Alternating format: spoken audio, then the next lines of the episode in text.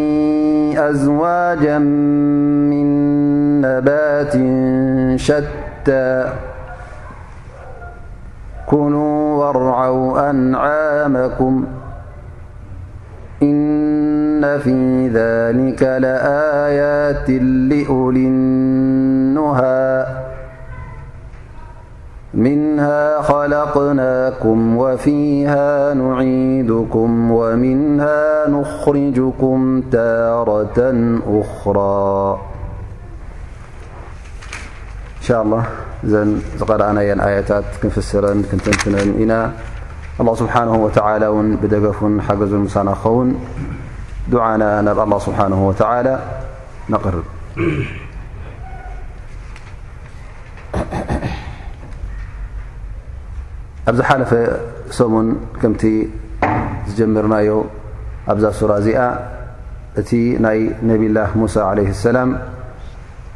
ናቱ ዛንታ እዩ ነይሩ ማለት እዩ ኣላ ስብሓን ወተላ እውን ክምለስ እንከሎ ምስ ተዛረቦ ማለት ነቢና ሙሳ ለ ሰላም ካብቲ ዝነበሩ ዓዲ እናተመለሰ ከሎ ኣብ መንገዲ ሓውሪኡ ናብኡ ኮይዱ እቲ መልእኽቲ ናይ ኣላ ስብሓን ወተላ እውን ክሰምዕ ኣላ ስብሓን ወተላ ከም ዝፀውዖ ጠቒስና ነርና ማለት እዩ ሽዑ እውን ኣላ ስብሓን ወተዓላ ገለ ካብቲ ተኣምራት ኣርእዎ ክልእኮ ከም ምዃኑ ከም ዝመረጾ ከምኡ ውን ኣላ ስብሓን ወተዓላ እቲ ቅድሚ ሕጂ ንነቢና ሙሳ ዓለ ሰላም ዝሃቦ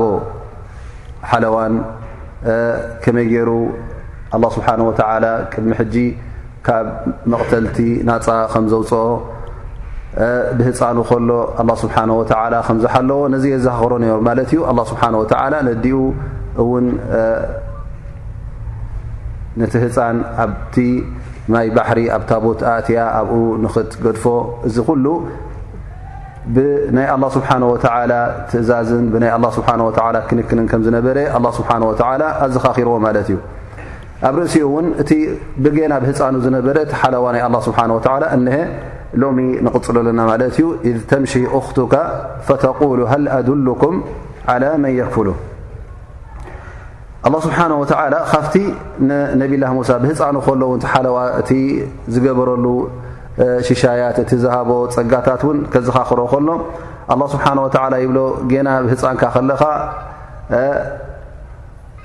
እንዳ ፊርዖን ምስ ወሰዱኻ ሽዑ ሓፍትኻ መፅያ ማለት እዩ ጠብዓ ሙሳ ዓለ ሰላም እንዳ ፍርዖን ምስ ወሰድዎ ህፃን ምስ ረኸቡ ንኸዕብይዎ ወሲኖም ማለት እዩ ግን እቲ ዘሸገሮም እንታይ ነይሩ ማለት እዩ ዘቕረብሉ እንተቕረብሉ ሕጂ ምብላዕ ኣብዩ ማለት እዩ ምስታይ ኣብዩ ክጠቡ እንተበለ እውን ዝተፈላለያ ደቂ ኣንስትዮ ንኸጥብኦ ተፈተና ኩለን ኣብይወን ማለት እዩ ከማ ቃል ላ ስብሓን ወተላ ወሓረምና ዓለይህ ኣልመራድዓ ምን ቐብል ሕጂ ሓፍቶ መፅያ ማለት እዩ ርኣቶም እያ ክወስድዎ ከለዉ እሞ ከዓ እቲ ነገር ምስ ረኣየቶ ከይዳ ትሓቶም ማለት እዩ ትብሎም እንተ ደኣ ትደልዩ ኮንኩም ማለት እዩ ትሕቶ እንታይ እዩ ኣነ ዝፈልጡም ሰባት ኣለዉ ምናልባሽ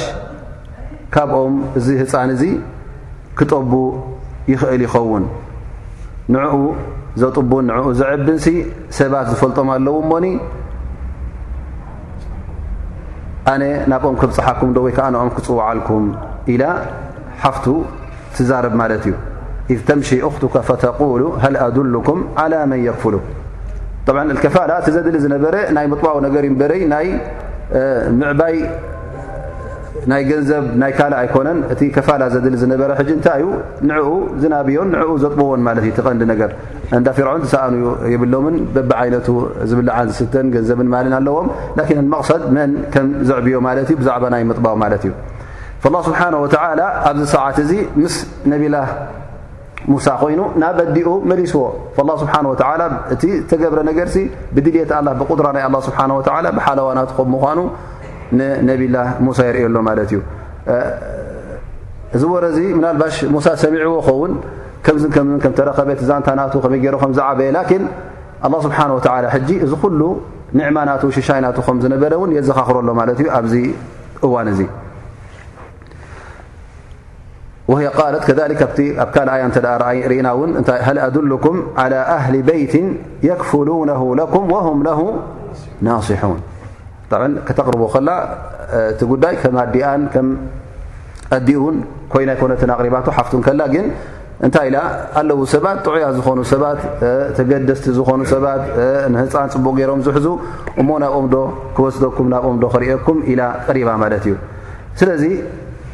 እቲ ዝተገብረ ምንታይ እዩ ነይሩ ብገንዘብ ክዓቢ ማለት እዚ ቆልዓ እዚ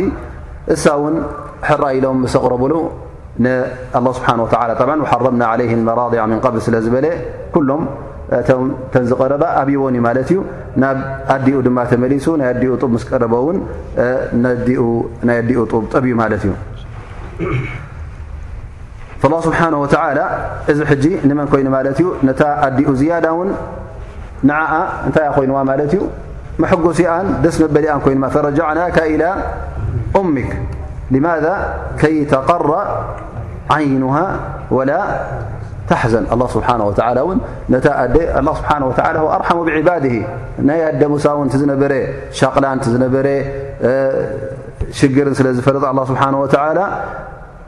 ናብ ኣዲኡ መሊፎ ማለት እዩ ኣዲኡ ንገዛእ ርእሳ ምስ ጠፈኤ ካብቲ ኣሲራቶ ዝነበረ እቲ ገመድ ተበቲኹ ምስ ከደ እንታይ እያ ኮይና ማለት እዩ ብጣዕሚ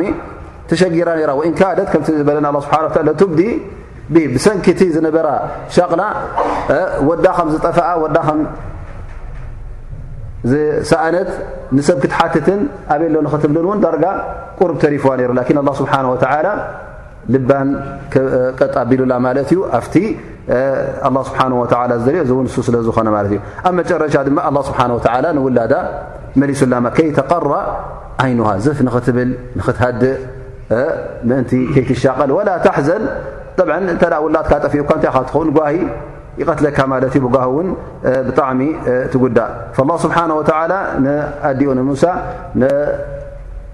ክብረት ንዓኣን ክብረት ንመንን ነቲ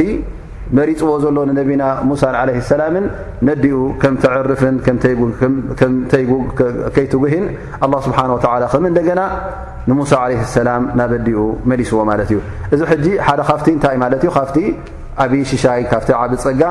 ንሙሳ ዓለ ሰላም ገና ብ ህፃኑ ከሎ ተሓለዋ ዝወሃቦ ዝነበረ ኣላ ስብሓን ወተላ የዘኻኽረሎ ማለት እዩ ኣን ኣብ ርእሲኡ እውን ቀተልታ ነፍሰ እዚ እውን ዓብ ወንጀል እዩ ነሩ ማለት እዩ ያ ሙሳ ቅድሚ ሕጂ እውን ሰብ ቀትልካ ነርካ ኢኻ እሱ ከዓ ኣይና እዩ እቲ ግብፃዊ ምስቲ እስራኤላዊ ክልቲኦም ክበኣሱ ክሰሓሓቡ ምስ ረኸቦም ሙሳ ዓለ ሰላም ሕጂ ንመን ሓጊዙ ማለት እዩ ነቲ እስራኤላዊ ወዲ ሓወቦኡ ስለ ዝኾነ ዘርዩሉ ማለት እዩ ነቲ ኣብኡ ከሎ ትንክፍ ሰበሎ ዓሊዎ ማለት እዩ ይመውት ኣሎ ማለት እዩ እዚ ምስ ተረኸበ እንታይ ተሰሚዑ ሙሳ ንሓደ ግብፃዊ ቀትሉ ማለት እዩ ጠብዓ እቶም ግብፃውያን እንታይ እዮም ነይሮም እሶም እዮም ጎይቶት ኣብቲ ዓዲ ነሮም እቶም እስራኤላውያን እንታይ እዮም ነይሮም እሶም ክልክዕ ከም ኸደም ወይ ከዓ ገልገልቲ ባርያ ናይቲ ዓዲ እዮም ነሮም ማለት እዩ ስለዚ ከመይ ገይሩ እቲ ባርያ ነቲ ጎይታ ይቐትል ኢልካ ጠብዓ እዚ ሕጂ ዓብ ነገር እዩ ኣይኮነዶ ሓንሳ ክልተሻዕ ንኩሎም ብዘይ ገበን እኳ ይቐትልዎም ነይሮም ማለት እዩ ብዘይ ገበን እውን ጭፍጭፍዎምን ዘይናቶም ይህብዎም ነይሮም ማለት እዩ ስለዚ እዚ ምስ ተረኸበ ጠመንቲ ጉዳይ ሕጂ ኣብ ቤት ፍርዖን በፂሑ ኣብ መንግስቲ በፂሑ እውን ንክቐትልዎ እውን ይዳለዉ ከም ዘለዉ ምስ ተሰምዐ ኣላ ስብሓን ወተዓላ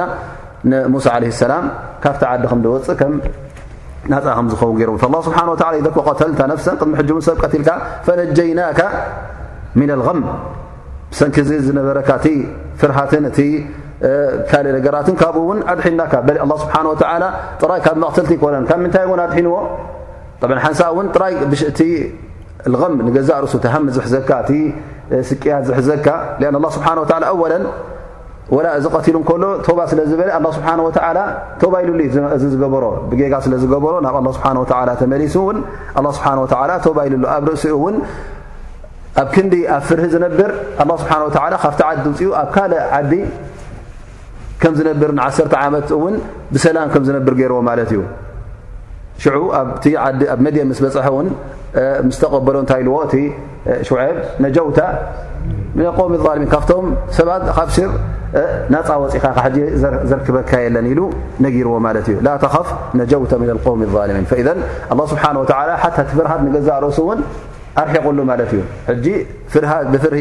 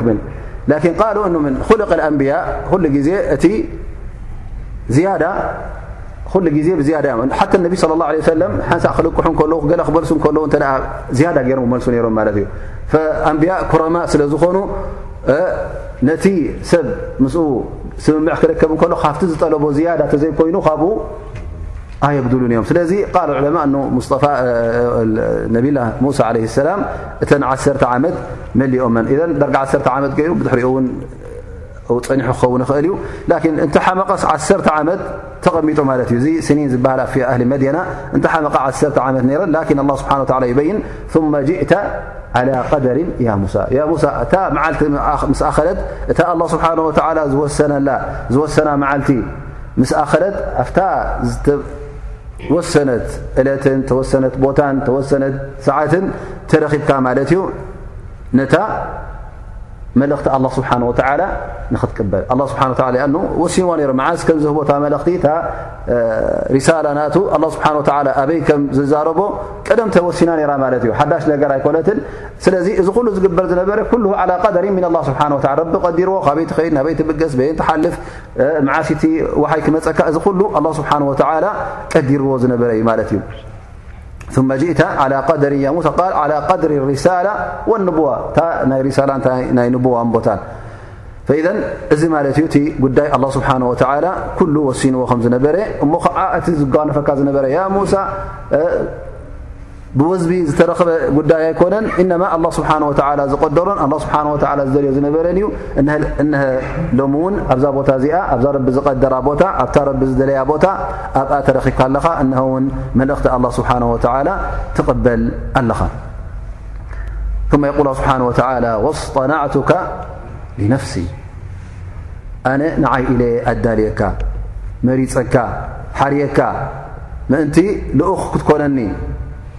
ናፍቶም ዝደልዮም ሰባት ንምእንቲ ክትለኣኽ ከምቲ ኣነ ዝደልየካ ንኽትከውን ኣነ ባዕለይ ኩል እዚ ኩሉ ኣዳልየካ ፈ ስብሓን ወተዓላ ንዓኻ መሪፁካ እዩ ስለዚ እቲ ምርጫ ብቐደም ኣላ ስብሓን ወተዓላ ጌና ከይተወለድካ ከለኻ እውን ኣላ ስብሓን ወተዓላ ነቢ ከም ትኸውን መሪፁካ እዩ ነይሩ ይብል ረዋ ኣልብኻሪ ዕንደ ተፍሲርሃ ዓን ኣብ ሁረይረታ ረ ላ ን ረሱሊ ላ ى ا ል التقى آدم وموسى فقال موسى أنت الذي أشقيت الناس وأخرجتهم من الجنة فقال آدم وأنت الذي اصطفاك الله برسالته واصطفاك لنفسه وأنزل عليك التوراة قال نعم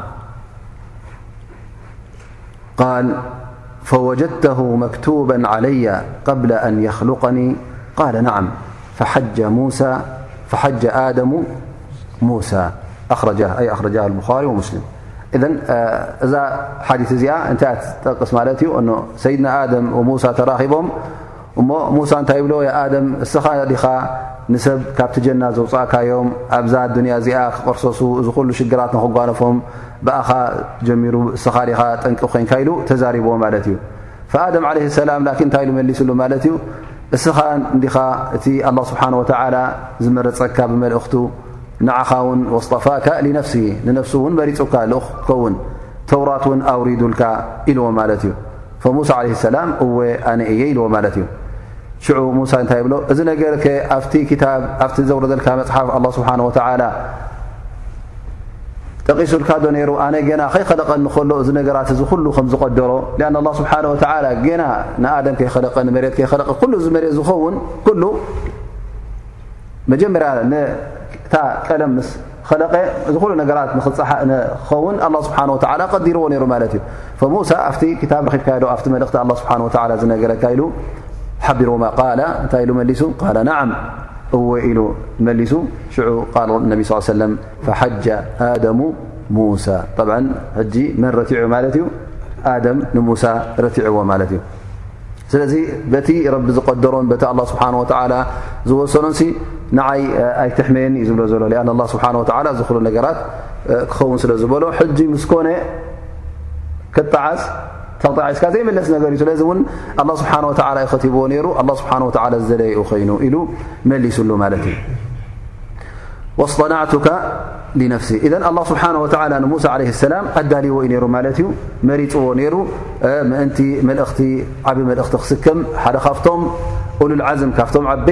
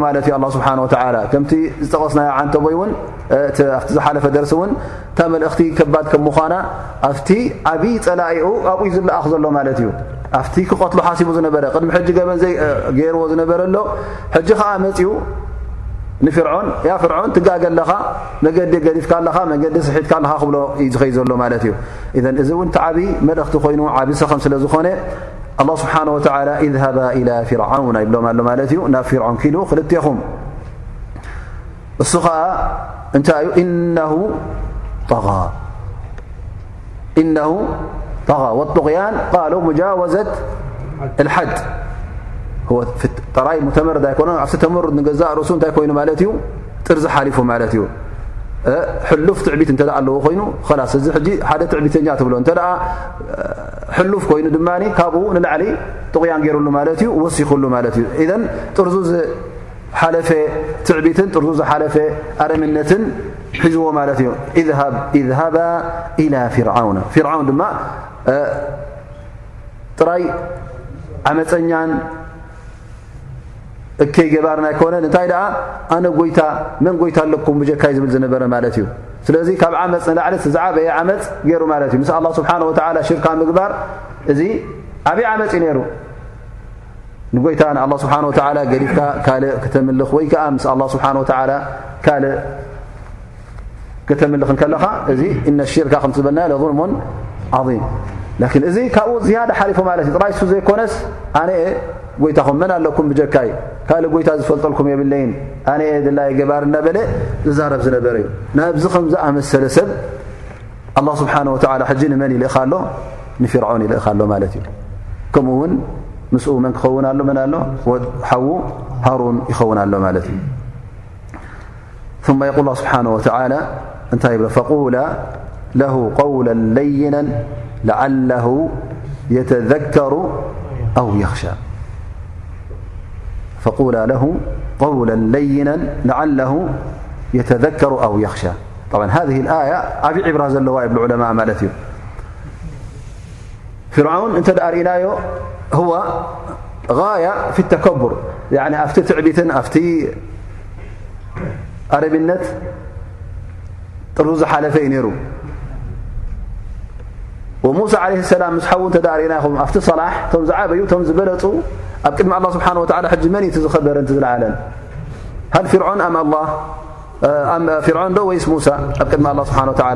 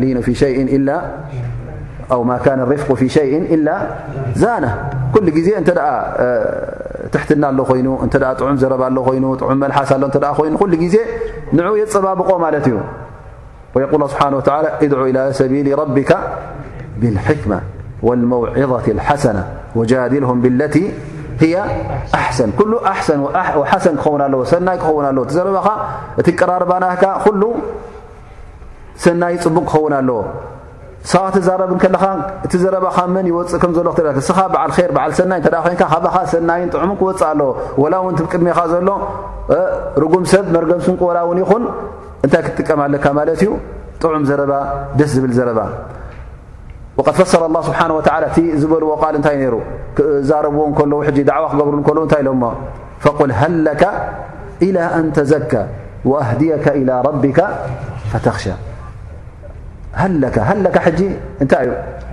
ከም ሕቶ ገይሩ ቅሪቡ ኣለዎ እምበር መፍሩድ ስለምንታይ ኣይበሎን ንዓ ደድሕሪ ሰዓብ ኣይበሎን ትእዛዝ ኣይሃበን እንታይ ደኣ እታ ጉዳይ ከም ሕቶ ገይሩ እንተ ናብ ኼር ናብ ዘካት ናብ ፅቡቕ ነገር ዘብፅሕ ናብኡ ክሕብረካ እንታይ ርእቶ ኣለካ ኢሉ ሕጂ ትምርጫ ሕጂ እንታይ ዝብሎ ዘሎ ንዕኡ ገድፈሎ ማለት እዩ ነቲ ጸላኢ ነቲ ኣብ ቅድሚኡ ተጋጊ ዘሎ ሰብ ናብኡ ገድፎ ኣሎ እሞ ከምዚ ክትበሃል ከለኻ ሕጂ እቲ ምርጫ ንዓኻ እዩ ክትበሃል ከለኻን ግዴታ ትእዛዝ ስማዕ ክትበሃል ከለኻን ኣብ ነፍስኻ ሕጂ በበይኑ ስምዒት ኣለዎ ማለት እዩ ብዝያዳ ሓደ ሰብ ጥራይ ኩሉ ግዜ ንሱ ክእዝዝ ጥራይ እንተ ኮይኑ ዘይእዘዝ ዝነበረ ሰብ መጺኻ ክትዛረቡ ከለኻ ሞሳ ክትእዝዞ እተ ኮይንካ እዚ ፈጺሙ ኣይቅበልን እዩ ወፊርዖን ተኣዚዙ ኣይተቐበለ ወላ እውን ጥዑም ዘረባ ተዛሪቡውን ጣዕምቲ ዘረባ ተዛሪቦሞ እውን ኣይሰምዐን ላኪን ኣላ ስብሓን ወተላ እዚ ነገር እዚ ጠብዓንቲ ቃል ኣላ ስብሓን ወተዓላ ክበፅሕ ስለ ዝደለዮ ክሰምዕ ስለ ዝደለዮ ምናልባሽ እዚ ጥዑም ኣዘራርባ እዚ እውን እንታይ ኮይኑ ማለት እዩ ንሙሳን ንሃሮንን እውን ዕድል ሂቦዎም ማለት እዩ ቀልጢፉ ኣይነደረን ቀልጢፉ ይተቆጥዐን ቃል ኣላ ስብሓን ወተላ ንክሰምዕ ዕድል ረኺቡ እሱ ሰሚዑ እውን ንቶም ካልኦት ንክሰምዑ እውን ሰንኪ እሱ እውን ዳሕራይ እውን ሞ እንታይ ረኸብ ተባሂሉ ንሕና ንሳኻ ንወዳደር ቶም ሳሓራ ናትውን ከቕርብ ብሰንኪ እዚ ሕጂ እቶም ሰሓራ ንገዛእ ርእሶም እንታይ ኮይኖም ኣመስሊሞም ማለት እዩ ላን ምናልባሽ ብመጀመርያ ተጋራጥዮም ነሮም ተዝኾኑ እውን ብዙሕ ነገራት ምተረፈ ነይሩ ብዙሕ ክሳራ እውን ምተረኸበ ነይሩ እቶም ሰሓራ እውን ኣብኦም ኣይምበፀሐን ነይሩ እቲ ዳዕዋ እውን ኩሉ ኣይምሰምዖን ነይሩ ላኪን ኣላ ስብሓን ወተላ እቲ ሕክማ ጌርካ ዳዕዋ ክትገብር ከለኻ ስለዚ ዓብይ ነቢይ ዓብዪ ልኡኽ ኣላ ስብሓን ወተዓላ ናብቲ ዝበእሰን ዝኸፍአን ልኡኽ ተላኢኹ ኣላ ስብሓን ወተዓላ ስዑ እንታይ ኢልዎ ማለት እዩ ፈቁላ ለሁ ቀውለ ለይና ስለዚ እዚ ሰብ እዚ ዓመፀኛ እዩ እዚ በዓል ማዕስያ እዩ እዚ በዓል ክፍኣት ኢልካ ብኽፉእ ጌርካ ክትዛረቡ የብልካ እንታይ ደኣ እንተ ዳዕዋ ትህብ ኣለኻ ኮይንካ ምርጫኻ እንታይ ክኸውን ኣለዎ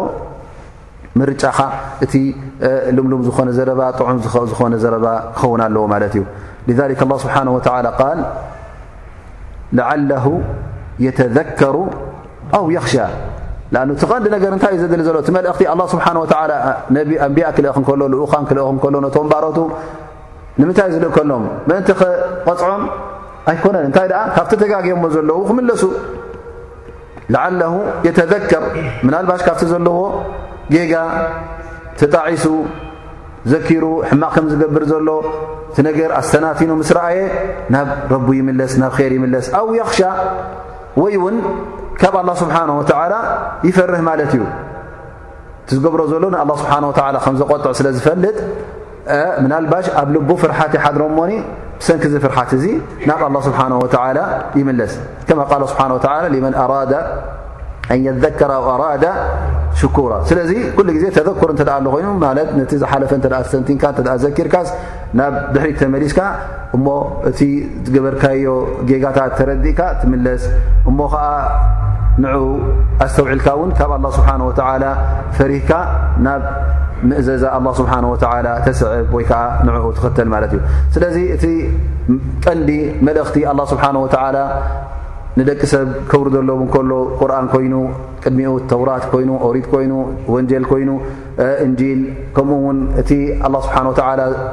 ዘውረዶ ክታብትን ዝለኣኾም ልኡኻትን ኩሎም ምእንቲ ምንታይ እዮም ዝለኣኹ ነይሮም ንሰብ ካብ ጌጋ ናብ ቅኑዕ መንገዲ ንኽመልሱ ንደቂ ሰብ ካብ ጥፍኣት ናብ ሰናይ ንኽመልሱ እዚ እቲ ቐንዲ ሃደፍ ወይ ከዓ እቲ ቐንዲ ሸቶ ናቶም ማለት እዩ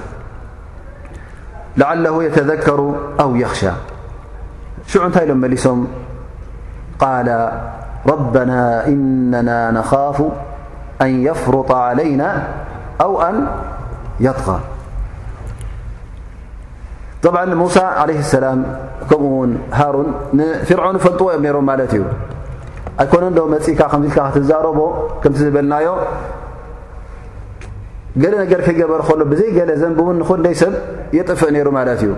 ተመክሮ ኣለዎም ቅድሚ ሕጂ እውን ኣላ ስብሓን ወተዓላ ሓቢሩና ዩ ቅድሚ ሕጂ እንታይ ገብር ነይሩ ፊርዖን እቶም ሳሓራ ናቱ እቶም ጠንቆልቲ ካብ በኒ እስራኤል ዝውለድ ሰብ ካብ በኒ እስራኤል ዝውለድ ህፃን ኣሎ እሞ ንዓኻ እቲ ንግስነት ናትካ ከጥፋኣልካ ኢልዎ እዚ ምስ ተባህለ እንታይ ገይሩ ፍዖን ነቶም ደቂ ተባዕትዮ ኩሎም ገና ዝተወልደ ገና ሓንቲ ዘንቢ ክይገበሩ ከልዎ ቀትሎም ነይሩ ማለት እዩ ስለዚ ከም ዝኣመሰለ ኣረሜናዊ መራሒ ኣስጋዩ ናብኡ ከድካ ትጋገ ኣለኻ ክትብሎ ወይ ከዓ ንዓ ንመገዲ ር ክመርሓካ እየ ን ትጋገ ኣለኻ ን ከምዚ ክትብሎ ምናልባሽ ወላ ግዜ እውን ኣይህበካን እዩ ኣይሰምዐን እዩ እውን እዚ እውን ተመክሮ ኣለዎም ማለት እዩ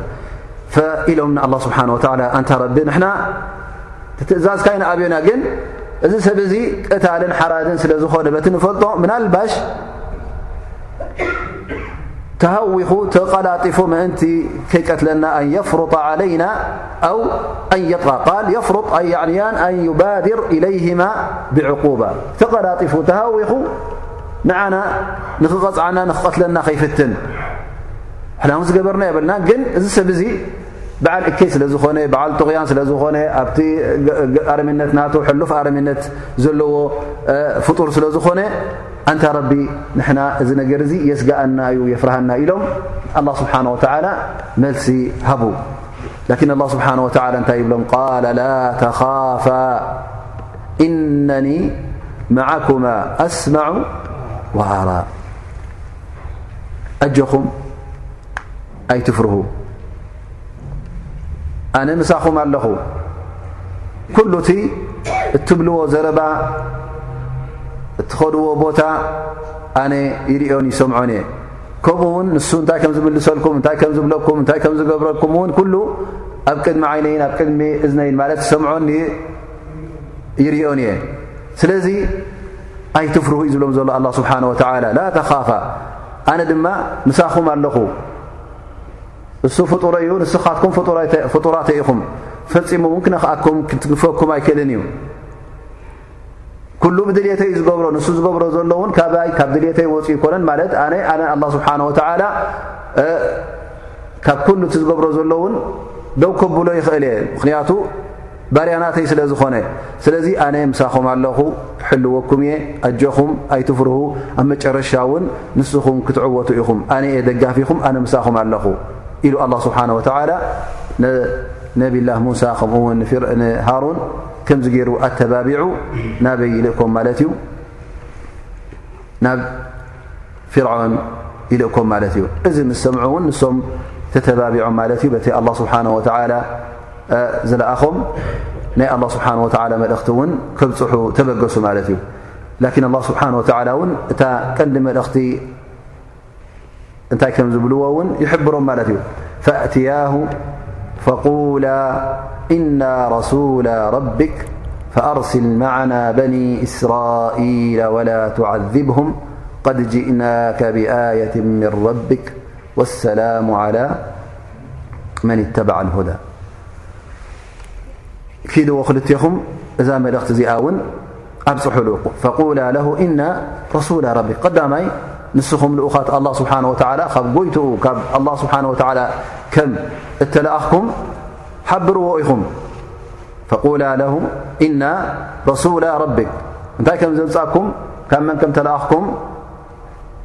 ሓብርዎ ንገርዎ ኢኹም እታ መልእኽቲ እውን ካብ ኣላ ስብሓን ወተዓላ ከም ምዃና ኣብ ርእሲኡ እውን እንታይ ፈኣርሲል መዓና በኒ እስራኢላ ወላ ትዓዚብሁም ካብቲ ነብላ ሙሳ ተላኢኽዎ ዝነበረ እቲ ቐንዲ መልእኽቲ እንታይ እዩ ነይሩ ኣወለን ከምቲ ዝበልናዮ እቲ ዳዕዋ ናብ መን ናብ ተውሒድ ዳዕዋ ንክገብር ንፊርዖን ኮይኑ ነቲ ህዝቢ በኒ እስራኤል እታ መልእኽቲ እንታይ ነራ ኣላ ስብሓ ወ ሓደ ከም ምኳኑ ኩሉ ኣምልኾት ንመን ክኸውን ንኣላ ስብሓ ወ ክኸውን ፍርዖን እውን ጎይታ ከም ዘይኮነ እንታይ ደኣ ባርያ ኣላ ስብሓ ወ ከም ምኳኑ ነዚኣ ክረጋግፅ ኣብ ርእሲኡ እውን ተኻለይቲ መልእኽቲ እታ ቀንዲ መልእኽቲ እውን እንታይ ራ ማለት እዩ ንበኒ እስራኤል ካብቲ ዝነበርዎ ፀቕጢ ካብቲ ዝነበርዎ ዓመፅ ንኸውፅኡ ማለት እዩ ላ ስብሓን ወተላ እውን እቶም ኣንብያ ክልእከም ከሎ ሕጂ እንታይ ንርኢ ዘለና ማለት እዩ ቀዳማይ ነገር እቲ ናይ ተውሒድ ዳዕዋ ንስከም ምዃኑ ካልኣይ ነጥቢ እውን ኩሉ ግዜ እቶም ኣንብያ ልኡኻን ኣላ ስብሓን ወተዓላ ነቲ ዝወርድ ዓመፅ ኣብ ዝኾነ ይኹን ህብረተሰብ ኣብ ዝኾነ ይኹን ማሕረሰብ ንዕኡ ንኽከላኸሉ እውን ከም ዝለኣኹ ኣላ ስብሓን ወተዓላ እውን ፍፁም ዓመፅ ኣብ ርእሲ ኣብ ዝባን ሰብ ክወርድ ከም ዘይደሊ ዝዕመፅ ሰብ እንተ ኣሎ ኮይኑ እውን ኣላ ስብሓን ወተዓላ እዚ ዓመፅ እዙ ከም ዘይረድዮ ስለዚ ሓደ ካፍቲ ሞያ ካፍቲ ኣላ ስብሓን ወተዓላ ንባሮቱ ወይ ከዓ ነቶም ልኡዃን ዝልእኮ እንታይ ማለት እዩ ንወዲ ሰብ ናፃ ንኸውፅእ ወዲ ሰብ ኩሉ ግዜ ባርያ ኣላ ስብሓን ወተዓላ እዩ ደኣ እምበር ባርያ ሰብ ኣይኮነን ባርያ ኣላ ስብሓን ወተላ ጥራይ እዩ ድኣ እምበር ባርያ ሰብ ኣይኮነን ሊክ ኣብቶም ኣስሓብ ነቢ እንታይ ይብሉ ነይሮም ጅእና ሊንኽርጃ ልዕባድ ምን ዕባደት ልዕባድ ኢላ ዕባደት ረቢ ልዕባድ እዚ እቲ መልእኽትና ኢሎም በዚ ይኣምኑ ነይሮም ንዕኡ እውን ይቃለሱ ነይሮም ማለት እዩ ስለዚ ወዲ ሰብ ኣላ ስብሓን ወተላ ክኸልቆ ከሎ ናጻ ገይሩ እዩ ኸሊቕዎ ማለት እዩ ባርያ ኣይኮነን ንጎይታ ጥራይ እዩ ዝምልኾን ዝግዝኦን ደኣ እምበር ፍጹም ዝኾነ ይኹን ሰብ መጺኡ ክገዝኦ ከዋርዶ ከሳቕዮ እዚ ኩሉ ኣላ ስብሓን ወተዓላ ዘይደልዮን ዘይፈትዎን እዩ ስለዚ እተ መራሕ ኣሎ ኮይኑ እተ ሓላፊ ኣሎ ኮይኑ እተ ዝኾነ ሰብ ኣሎ ኮይኑስ ኣብ ዝባን ወዲ ሰብ ሸሸይ ክብል ኣብ ዝባን ወዲ ሰብ ከም ድላዩ ክፃወት ኣብ ዝባን ደቂ ሰብ ዓመፅን ውርደትን ከውርድ ኣላ ስብሓን ወተዓላ ዘይፈትዎ እዩ እዚ ክርከብ ከሎ እውን እቶም ዳዕዋ መገዲ ኣንቢያ ሒዞም ዝኸዱ ነዚ ነገር እዚ እውን ኩሉ ግዜ ጌጋ ከም ምዃኑ ክቃውምዎ ኣለዎም ኣላ ስብሓን ወተዓላ ዓመፅ ከም ዘይፈቱ ኣላ ስብሓን ወተዓላ እውን ፅቕጠት ከም ዘይፈቱ ደቂ ሰብ ኩሉ ግዜ ብናፃን ብደስታን ብቲ ዝደልዮ በቲ ኣላ ስብሓን ወተዓላ ዝደለየሎም ሸርዒ ክኸዱ ከም ዘለዎም ነዚ ነገር እዚ እውን ክሕብሩ ኣለዎም ማለት እዩ ስለዚ እቲ ናይ ኣንቢያ መልእኽቲ ስለ ዝኾነ ናይቶም ወረሰት ኣንብያ ዝበሃሉ እቶም ዑለማ ይኹኑ እቶም ዳዕዋ ዝገብሩ ይኹኑ መገዲ ረቢ ሒዞም ዝኸዱ ነዚ እውን ክኽተሉ ኣለዎም ማለት እዩ ፈየቁል ስብሓን ወተላ ፈኣርሲል ማዕና በኒ እስራኢላ ወላ ትዓዚብም ኣን እዚ ዓብ ገበን እዩ ዝገብር ነይሩ ማለት እዩ ነዞም ሰባት እዚኦም ብጣዕሚ የዋርዶም ነይሩ ጎይታኹም እየ እናበለ ድላዩ እናቐተለ ንድላዩ እናገደፈ ከም ድላዩ እናፈፀመ ነዞም ሰባት እዚኦም ኣብዚ ዘይበሃል መቕፃዕትን ኣብ ዘይበሃል ውርደትን ኣዋሪድዎም ነይሩ ማለት እዩ ቀድ ጅእናካ ብኣየት ምን ረቢክ ንሕና እውን መጺናካ ዘለና መርትዖ ኣለና ካብ ኣላ ስብሓን ወተዓላ ነዚ መልእኽቲ እዚ ሓቂ ከም ምዃኑ እዚ መልእኽቲ እዚ መቕልእኽቲ ኣላ ስብሓን ወተዓላ ከም ምዃኑ ዘረጋግጽ መርትዖታት ሒዝና ኣይና ቐሪብና ዘለና ጥራይ ዘረባ ኣይኮናን ሒዝና ቐሪብና ዘለና ላ ስብሓን ወተዓላ ንዅሎም ኣንብያ እውን ክቐርቡ ከለዉ እንታይ ሂቦም ነይሩ ማለት እዩ ሙዕጂዛ ደላላ ሓደ ካብቲ ነቲ ፀላኢኦም ይኹን ነቶም ተፃባእቶም ይኹኑ ንዕኦም ዘዕግብ መርትዖ ኣላ ስብሓን ወተላ ሒዞም ከም ዝቐርቡ ኩሉ ግዜ የቕርቦም ነይሩ ማለት እዩ ኩሉ ግዜ ይህቦም ነይሩ ማለት እዩ ተኣምር ኮይኑ ወይ ከዓ ካልእ ዓይነት ኮይኑ ፈዘን እዚ ንቐርቦ ዘለና ወይ ከዓ እዚ ንብሎ ዘለና ዘረባስ መርትዖ ዘለዎ ዘረባ እዩ እሞኒ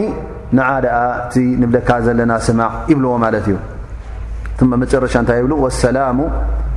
ዓላ መን ተበዓ ኣልሁዳ ንስኻ እውን እንተ ደኣ ያ ፍርዖን መገዲ ር መገዲ ቅንዕና እቲ ሁዳ ዝበሃል መገዲ ኣላ ስብሓን ወተላ እንተ መሪፅካ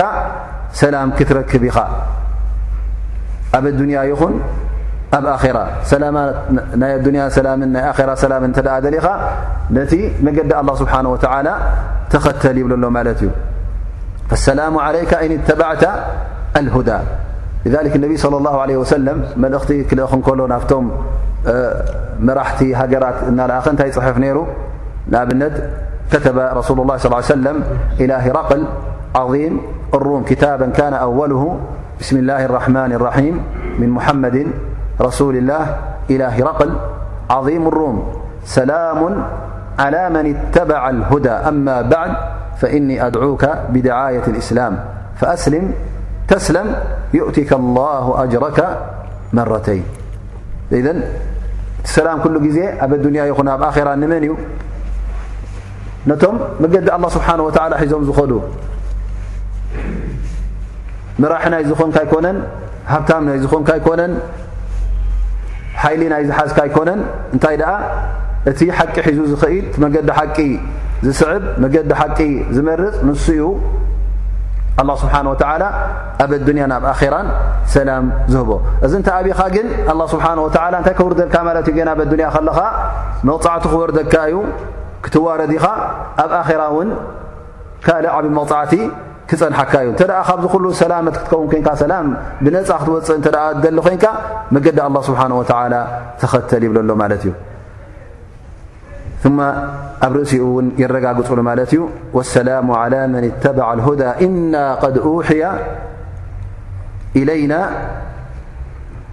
أن العذاب على من كذب وتولى الله سبحنه وتعلى كم زبل ملእቲ أمحللفና እዩ ካفت زهبن ملእቲ الله سبحنه وتعلى ت مغعت ت ስقي نمن እي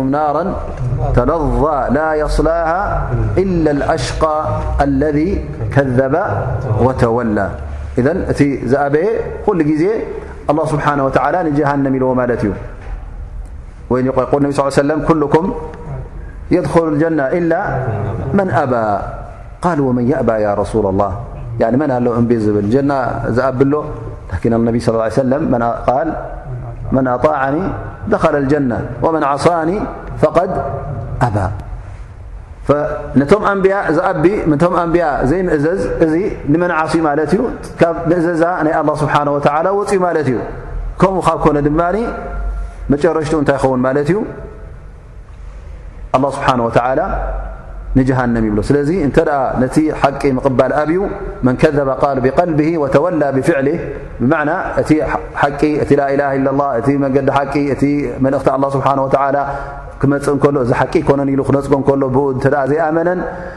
ብኡ ኸዓ እንተ ዘይከደን ንዕኡ እተ ዘይተኸተለን ኣላ ስብሓን ወተዓላ እዚ ሰብ እዙ ክቕጻዕ ከም ምዃኑ ኣብ ቁርን ይኹን ኣብቲ ቅድሚ ሕጂ ዝነበረ ክታብቲ ኣላ ስብሓን ወተዓላ እነሀ ነብላ ሙሳ ዓለ ሰላም ከምዚ ከም ዝወረዶ እውን ይሕብረና ማለት እዩ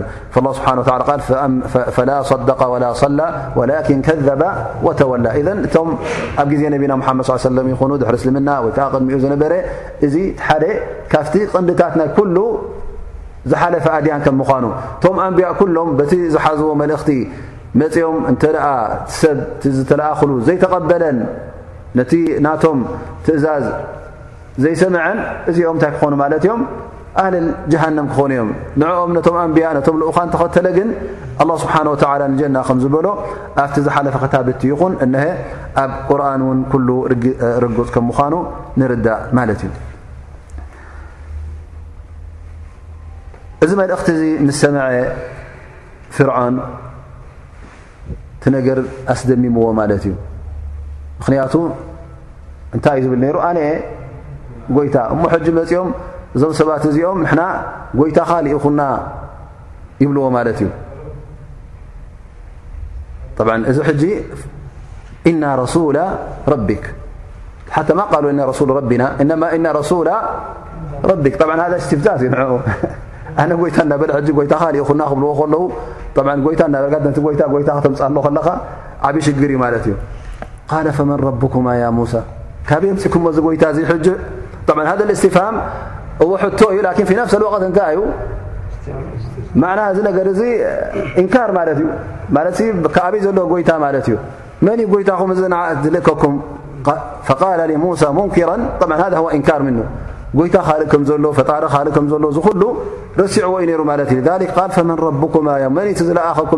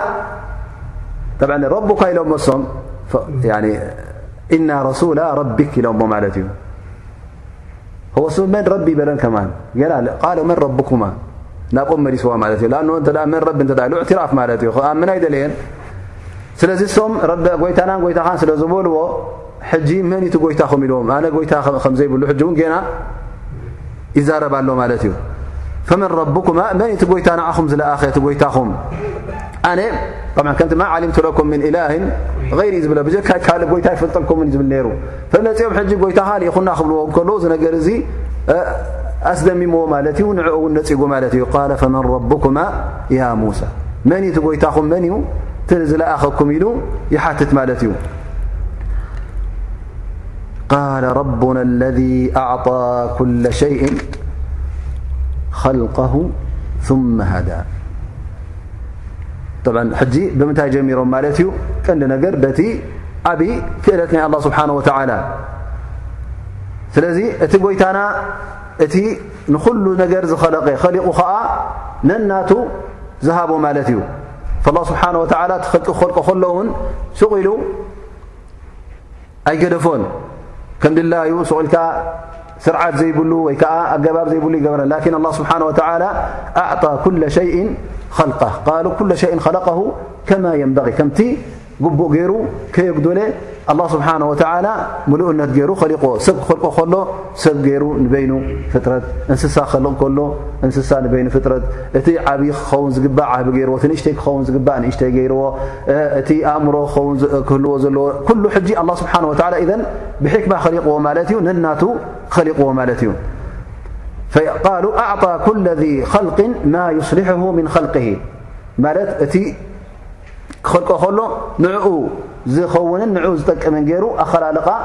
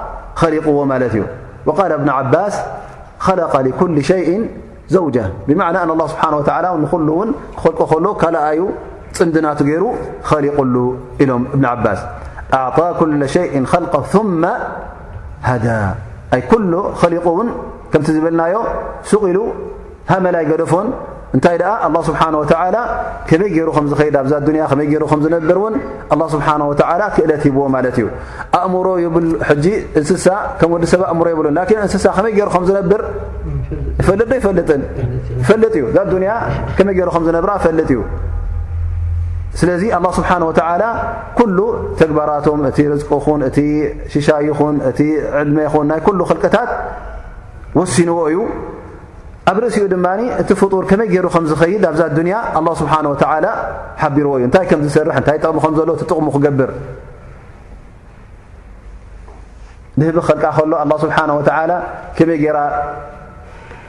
ኣብ ኣዝመራ እና ዜራ ዜራ ካብ ዕምባባ ንዕምባባ ከመይ ገይራ መዓር ከም ተምፅ እዚ ኹሉ ኣላ ስብሓን ወተዓላ እዚ ነገር እዚ እትፈልጦ እያ ኣይትጋገን እያ እንስሳ እውን ክበል ዝበልዖ ነገር እንታይ ከም ምኳኑ ዝጎድኦ እውን እንታይ ከም ምኳኑ ይፈልጥ እዩ ከመይ ገይሩ ይዋለድ እውን ይፈልጥ እዩ መዓኑ ኣእምሮ የብሉን ላኪን ኣላ ስብሓን ወተላ እቲ ንዕኡ ዝኸውን ክእለት ሂብዎ ማለት እዩ ላ ስብሓን ወተላ ኩለ ሸይን ኸለቕ ዝኾነ ነገር ኸሊቕዎ ንናቱ ኸዓ ኣትሒዝዎ ማለት እዩ ከመይ ገይሩ ብዛ ዱንያ ከም ዝነብር እውን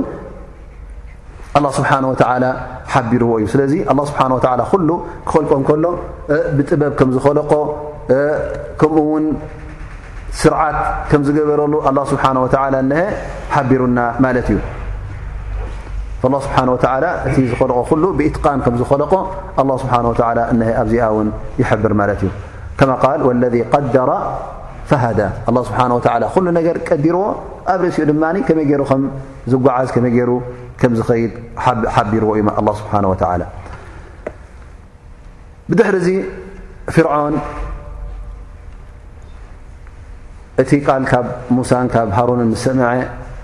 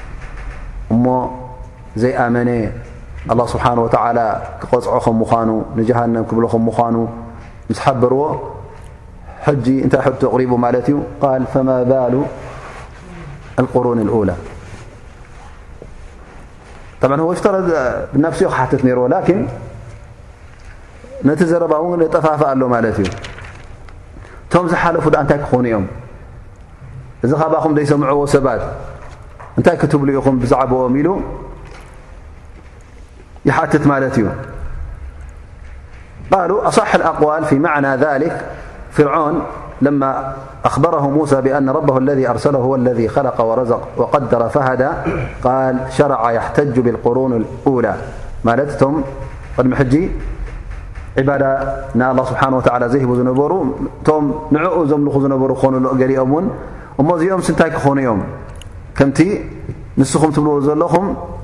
ነቲ ጎይታ ናኩም ኣየምለኹን እንታይ ደኣ ንኻልኦት እዮም ዘምልኹ ነይሮም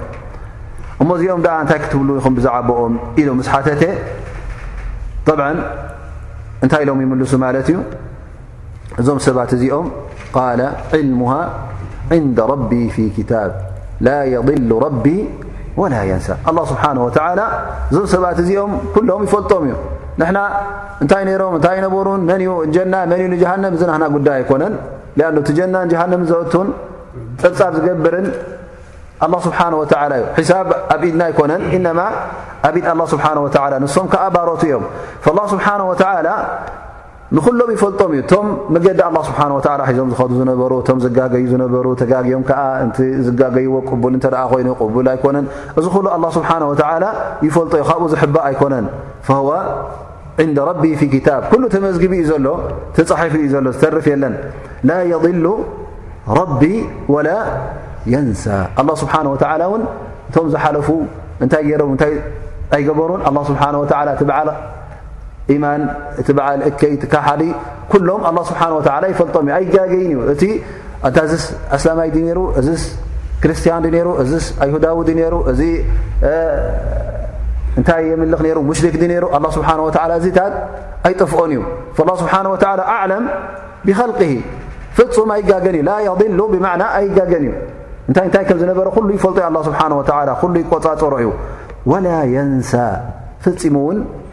ኣይርስዕን እዩ ስለዚ እዚ ተሓቶ ዘለኻ ንሕና ውን ክንምልሰልካ ይደልና እሶም ከምዚ ኮይኖም ከ ነሮም ውን ኣየድልን እዩ ምክንያቱ ኣላ ስብሓን ወላ ይፈልጦም ምክንያቱ እሶም ሕጂ ብድሕሪ ሕጂ ዝገብርዎ ነገር የለን ንሕና እውን ዳዕዋይ ክገብርሎም ኢና ሕና ናህና ናዓለ ረሱል እንታይ ኢላ እልበላ ኣመ ሒሳብ ዓላሚን ኣላ ስብሓን ወላ እዚኦም ኣጆካ ኣይትሸገር ብኦም ወይትኦም ኣለዎም ዝፈልጦም ኣለዎም ንሱ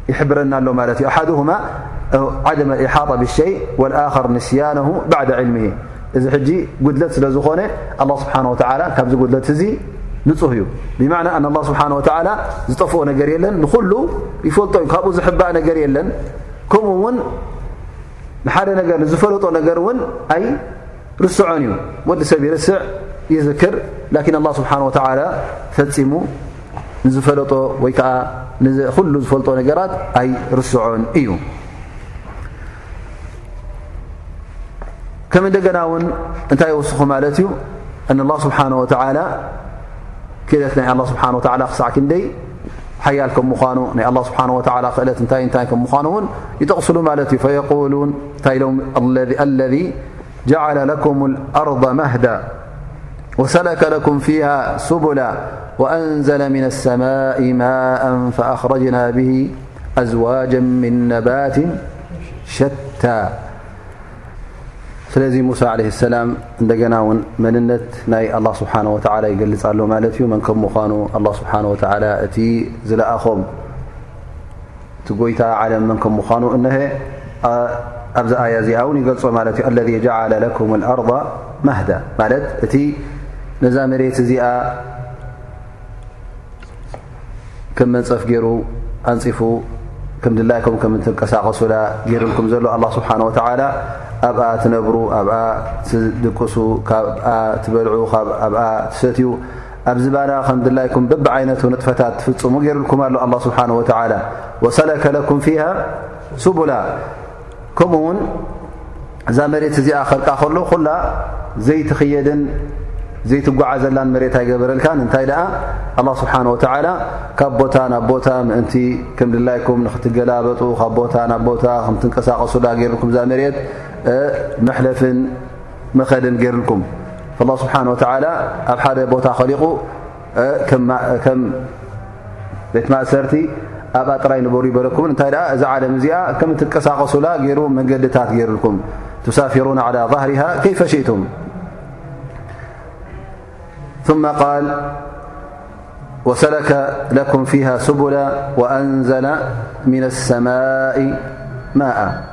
كم ون كب سماي الله سبحانه وتعالى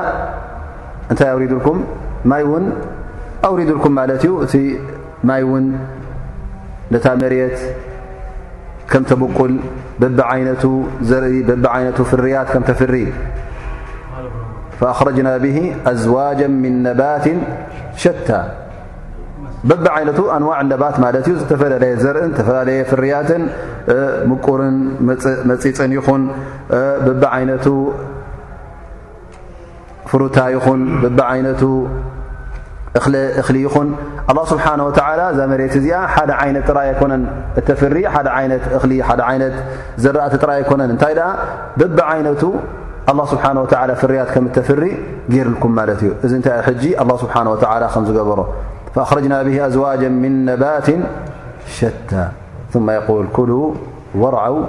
ኣንዓመኩም እቲ ተዋሂቡኩም ዘሎ ሽሻይ ድማ ንዓኹም ንክትበልዑ ካብኡ ብልዑ ኢልኩም ብልዑ ስተዩ ጥራይ ንዓኹም ዘይኮነ እውን ነተን እንስሳኹም እዛ መሬት እዚኣ እውን ሽሻያት ኩሉ ሰኪማቶላ ንዓኹም ጥራይ እትኣክል ኣይኮነትን እንታይ ደኣ ንዓኹምን ነተን እተጥርይዎን እንስሳ ጥሪት እዩ ማለት እዩ እነ ፊ ሊከ ለኣያት ሊኡሊኑሃ እዚ ኸዓ እንታይ እዩ ዓብዪ መርትዖ ዓብዪ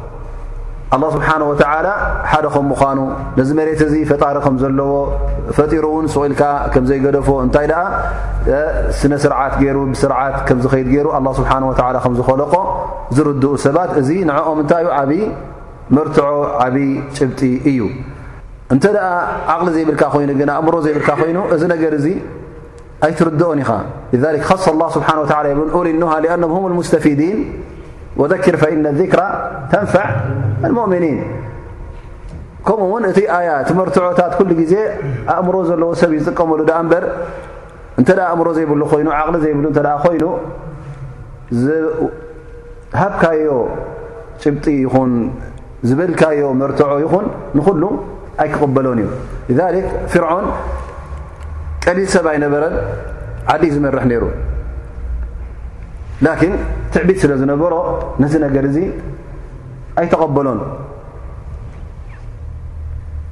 ዘይርዳእ ሰብ ማለት ኣይኮነን ላኪን ትዕቢት ስለ ዝነበረ ነዚ ነገር እዚ ክርድኦ ኣይደለዮን ስለዚ እንታይ ኮይኑ ማለት እዩ ሃ እንተ ሓደ ሰብ ጥቕሙና ነገርካዮ ከለኻ ብትዕቢት እተ ነፅግዎ ሃለ እዚ ሰብዚ ዓቕሊ ኣለዎ እን ዓቕሊ የብሉ ንነፍሱ ይጠቐመን ማለት እዩ ኣ ግዝያዊ ደስታን ግዝያዊ ረብሓን ንዕኡ ጥራይ መሪጹ ነቲ ዘለኣለማዊ ረብሓ ክነጽግ እንከሎ እዚ ሰብ እዚ ዓቕሊ የብሉን ኢኻ ትብል ذ ላ ስብሓ ወ ኻሳ እቶም ፋይዳ ነዚ ነገር ዝጥቀምሉ ኣያ ንመን ኢሉ ነቶም ኦሊኑሃ ثማ የቁል ስብሓ ወ ምንሃ ኸለቅናኩም ወፊሃ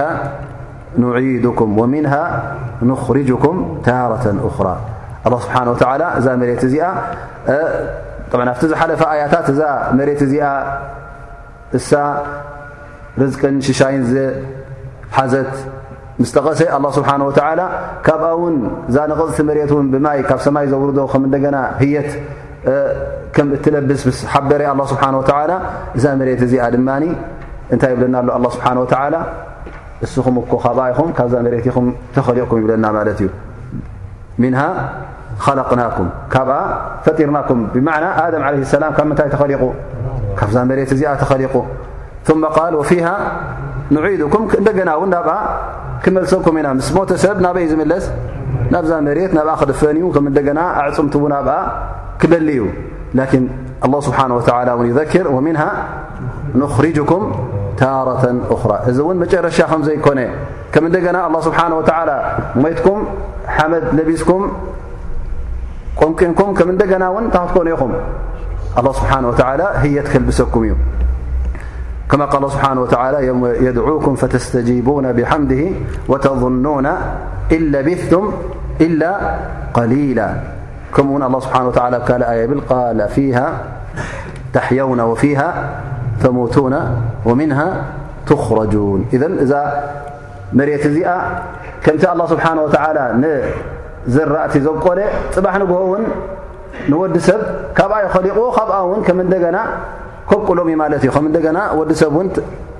ህየት ለቢሱ ካብ ምንታይ ክወፅ ኣኽዋና ካብዛ መሬት ክወፅ ኹም ምኳኑ ኣላ ስብሓን ወተላ እነሀ ይሕብረና ማለት እዩ በዚ ናይ ሎማዕቲ ደርሲ ይድምደም ሳ ላ ስብሓን ወላ የንፋዕና ብማ ሰሚዕና ወዩዓሊመና ማ የንፋዑና ዝተረፈ ግዜ እንሻ ላ ሕቶ እተ ኣሎ ኮይኑ ንሕቶ ወይ ከዓ ሓደ ክልተ ዝሓዝናዮ ፋይዳ ንዑ ከም እንደገና እንሻ ላ ንክንጠቕሶ ዕድል ንህበኩም እንሻ ላ ተላ